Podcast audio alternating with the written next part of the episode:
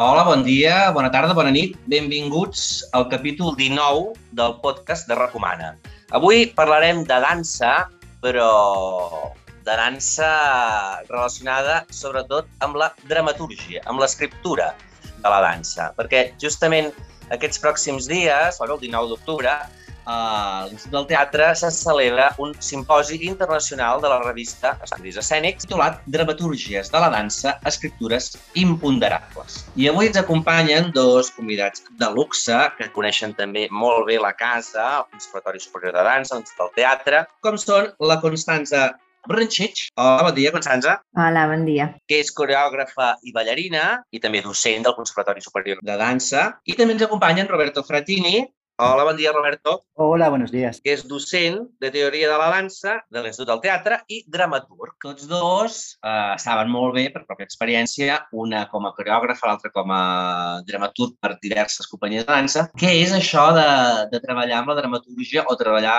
la dansa des d'un punt de vista dramatúrgic? Comencem ja perquè jo trobo que el més interessant d'aquest simposi és que l'organitza, no oblidem, la revista Estudis Escènics, que és la publicació, diguéssim, acadèmica de l'Institut del Teatre, i eh, en el text de presentació que podem llegir al web de, del simposi, diu la primera frase que la literatura sobre dramatúrgia de la dansa encara és, en bona mesura, anecdòtica, testimonial i contradictòria. Objecte de controvèrsia, malentès, etc etc etc. Pregunta, primera pregunta i més fàcil. Vosaltres què enteneu per dramaturgia de la dansa i sobretot perquè jo crec que fins i tot dins del sector de la dansa, no diem ja del teatre, molts cops no s'acaba d'entendre què fa ben bé un dramaturg per un espectacle de dansa. Llavors, sí, si ens podeu explicar, des de la vostra experiència pròpia i, i com a també docents i teòrics i estudiosos, com veieu o què creieu que és i hauria de ser la dramaturgia de la dansa? Vale, bueno, a, a, ver, yo intento contestar eh, de la forma más sintética posible porque eh, la dramaturgia de la danza sigue siendo algo así como un ovni, un objeto volador no identificado y de alguna manera una de las apuestas del simposio es que justamente no se trata siquiera de definirlo, sino de dar una razón de esta indefinición y explicar que justamente la dramaturgia de la danza no es una actividad que se apunta en un lugar o en un momento específico de la creación en danza es más bien algo así como un lo llamaremos un gesto intersticial, que significa que al fin y al cabo puede colarse en todos los aspectos inherentes a una creación. -huh. Por eso la manera más sencilla de ponerlo es imaginar que cada mm, obra, cada pieza, cada trabajo uh -huh conforma una especie de ecosistema de signos y de ecosistema de sentido. El sentido, digamos, el, el, significado y el perfume del significado es un, poco, es un poco a ese conjunto de signos lo que la vitalidad es a un ecosistema, es decir, es algo más que la simple suma de todas sus partes.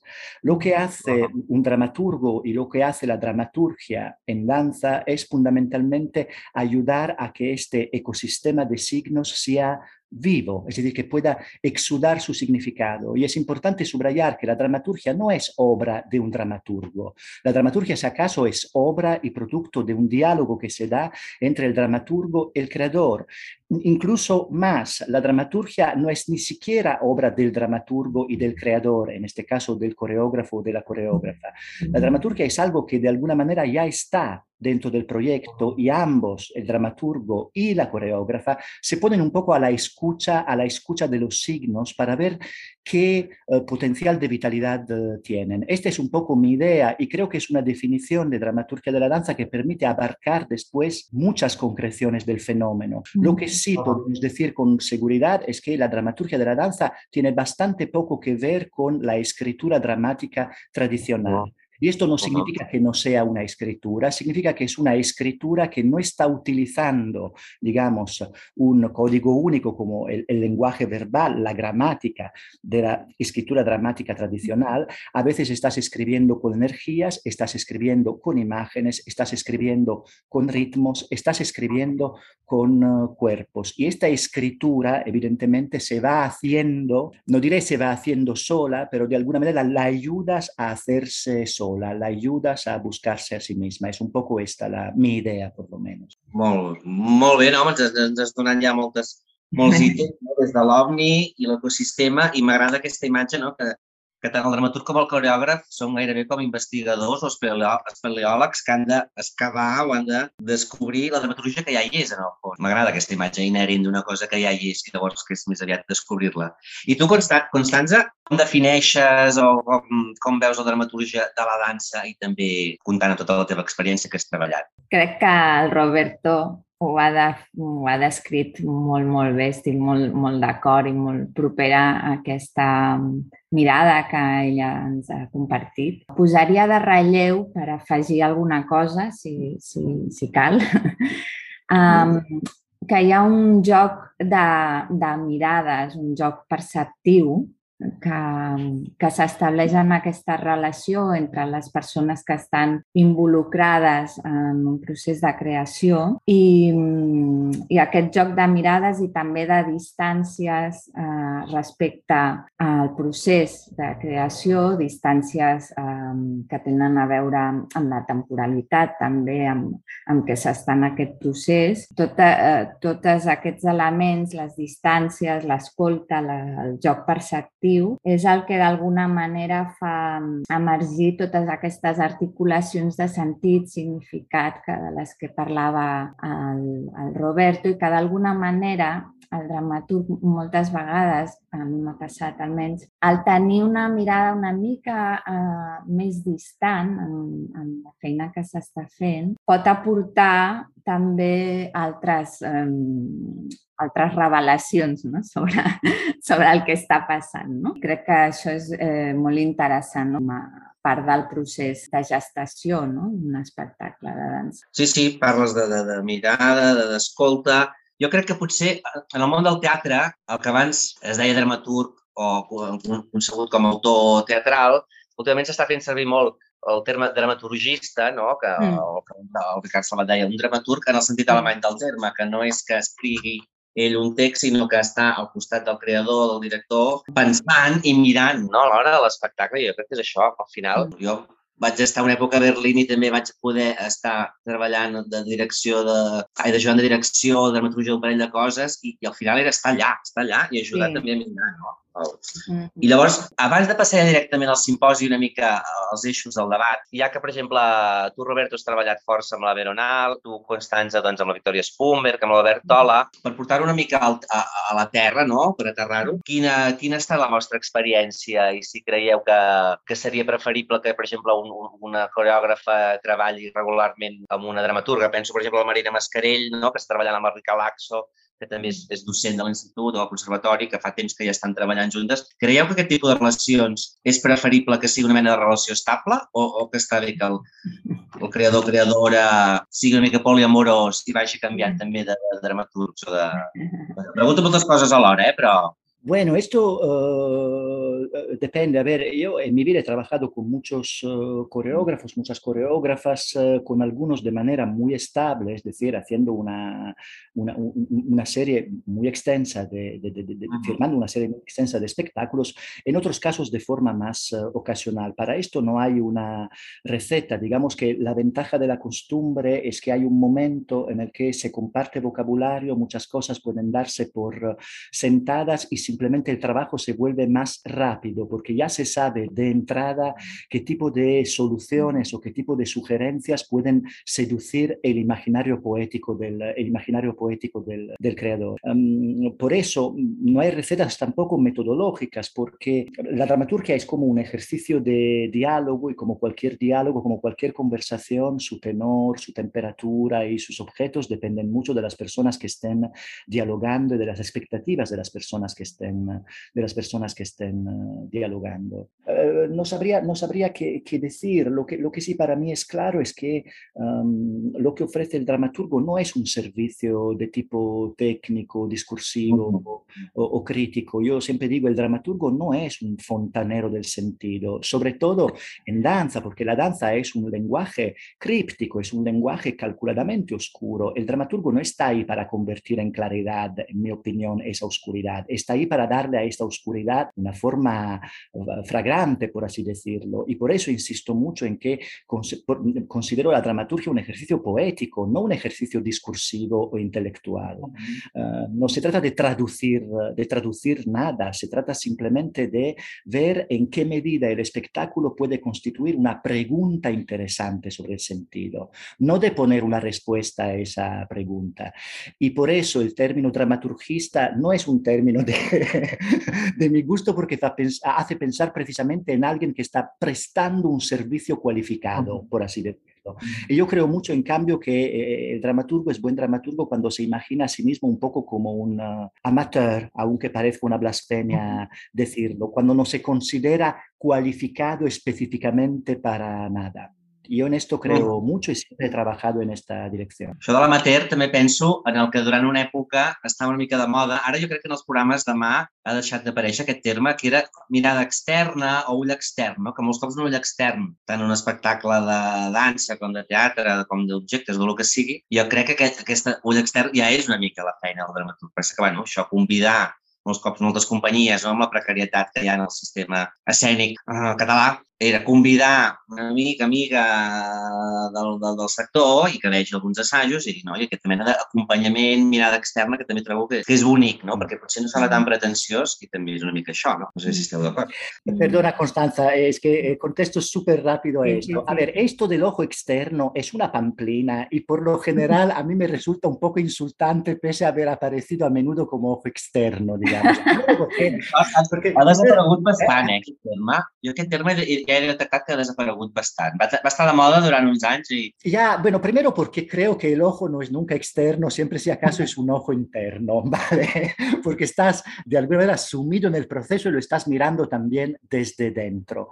Y segundo, hablando de la distancia, de la que también hablaba Constanza, claro, hay dos maneras de mirar desde la distancia. Una es la mirada, digamos, técnico-científica y la otra es la mirada del deseo. Y yo creo que la mirada del dramaturgo, la mirada poética, es una mirada que convierte la que usa la, la distancia como gasolina para, para el deseo y evidentemente el tipo de lógica que se desprende de una mirada deseante es bastante diferente al tipo de lógica que se desprende de una mirada científica, técnica y supuestamente objetiva. Yo creo que la dramaturgia de verdad está en este lugar, que es un lugar más deseante, entonces una, una, una, una distancia llena de tensión, por así decirlo, llena de incertidumbre, de hecho, como la mirada del deseo. I Constanza, què tens a dir sobre això que preguntava jo, més sobre la teva relació o experiència personal amb aquest tema i també responent al que diu el Roberto? A veure, jo ha sigut com casualitat,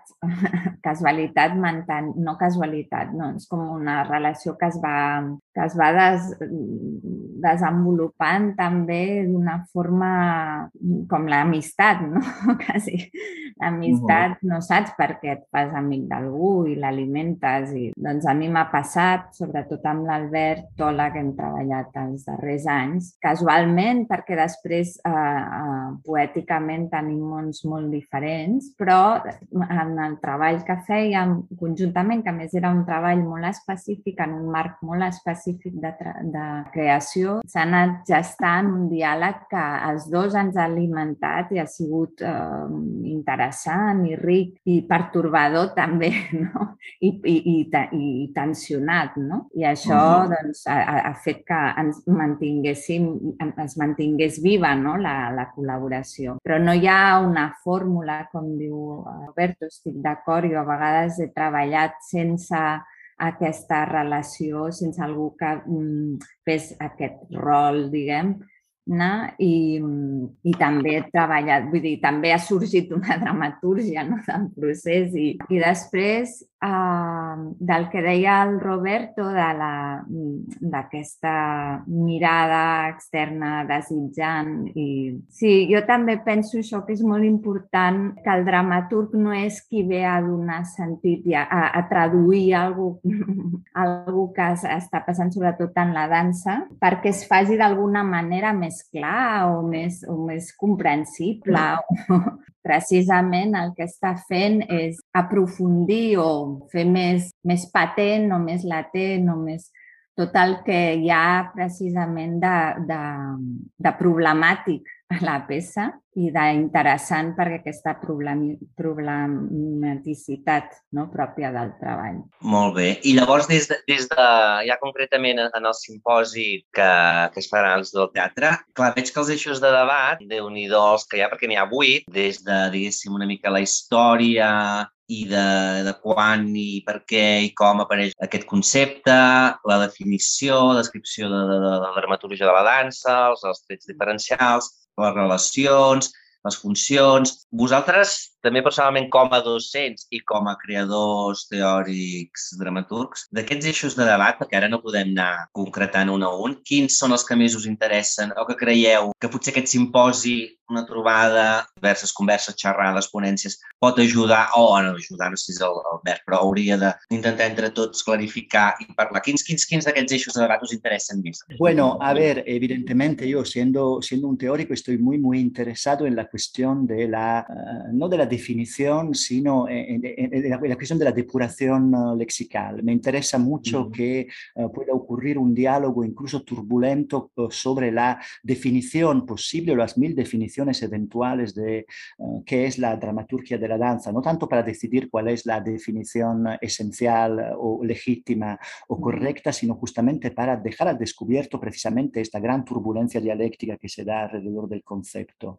Y pues otra cuestión que me, otra cuestión cuestión que de alguna manera me, me, me, obsesiona un poco es la cuestión de la, aunque sea una palabrota, de la conservación. Es decir, cuando se escribe un texto dramático de tipo tradicional, cuando se hace dramaturgia textual, evidentemente ya e, existen los marcos de, de, de conservación, evidentemente ya existen uh, los marcos que permiten, que permiten guardar lo que es un texto dramático. En cambio, casi no existe ninguna metodología inherente a la conservación y transmisión de lo que yo llamo las dramaturgias eh, silenciosas. Y, y es interesante, eh, aunque sea paradójico, preguntarse qué queda justamente de una, qué queda de este diálogo, qué queda también de todos los documentos y las escrituras, en este caso escrituras literales que se producen un poco colateralmente a este proceso de, a este proceso de diálogo. ¿Qué queda de los apuntes?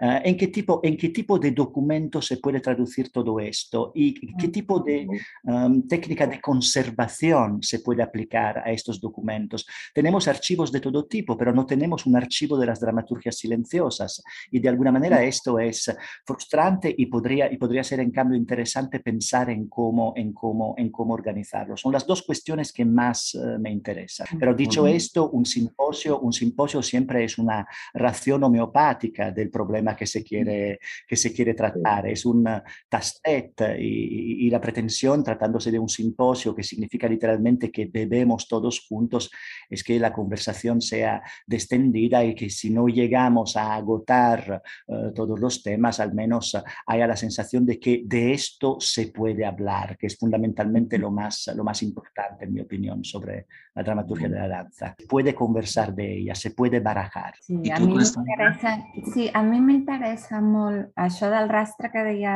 el Roberto també és un tema que, que m'interessa molt. I també m'interessa molt, com que és dramaturgia de la dansa, m'interessa molt la relació de la, de la paraula, del discurs eh, a través de la paraula amb el, amb el cos, no? amb el discurs del cos. I és un tema com, com, com aquesta relació també es dona molt en el procés precisament de diàleg amb el dramaturg, dramaturga o justament en el diàleg artístic, en el, en el propi procés. No? Com la paraula i el cos eh, s'interrelacionen, com apareix l'escriptura també durant un procés eh, de dans, eh, en què la dansa, eh, en un procés artístic en dansa, diguem-ne, i és sempre com un misteri, no? la relació, per exemple, entre el gest i la paraula, no? És com, hi ha allà un, un, una, una qüestió molt, molt misteriosa que, que sembla ina, inacabable. No? Per mi aquest, aquest és el node més, més interessant per mi, aquesta relació. Mm escriptura, paraula, cos, gest. Bé, doncs a veure si el, el pròxim dimecres, 19 d'octubre, no, en aquest simposi, mm, ja sé que sí, sí que no, no. Els simposis, aquestes trobades serveixen una mica per, de vegades per plorar junts, de vegades per celebrar junts. També s'ha molt a favor que en un simposi hi ha un, una mica de, de, de marro, de debat, de polèmica. Veig que hi ha la Cristina Morales, que hi ha el Soren Evinson, hi ha taules rodones molt interessants, no? moderades per la Bàrbara Raubert, per la Rica Laxo, per la Constanza mateix, Princhich, per la Marta Galant, bueno, hi ha comunicacions, i el Roberto fa, diguéssim, la presentació del simposi, no? i benvinguda. Per tant, bé, moltes gràcies als dos, Roberto, Constanza, uh, pel vostre temps. Ens veiem al Teatre Vinga, adeu, bon dia. 19, aquest capítol 19 del podcast de RAC Comana, doncs el dimecres 19 d'octubre, Teatre d'Estudi, doncs del teatre, si teniu temps tot el dia per parlar sobre la dansa i la dramatúrgia i la dramatúrgia de la dansa. Moltes gràcies. Moltes gràcies. Adéu.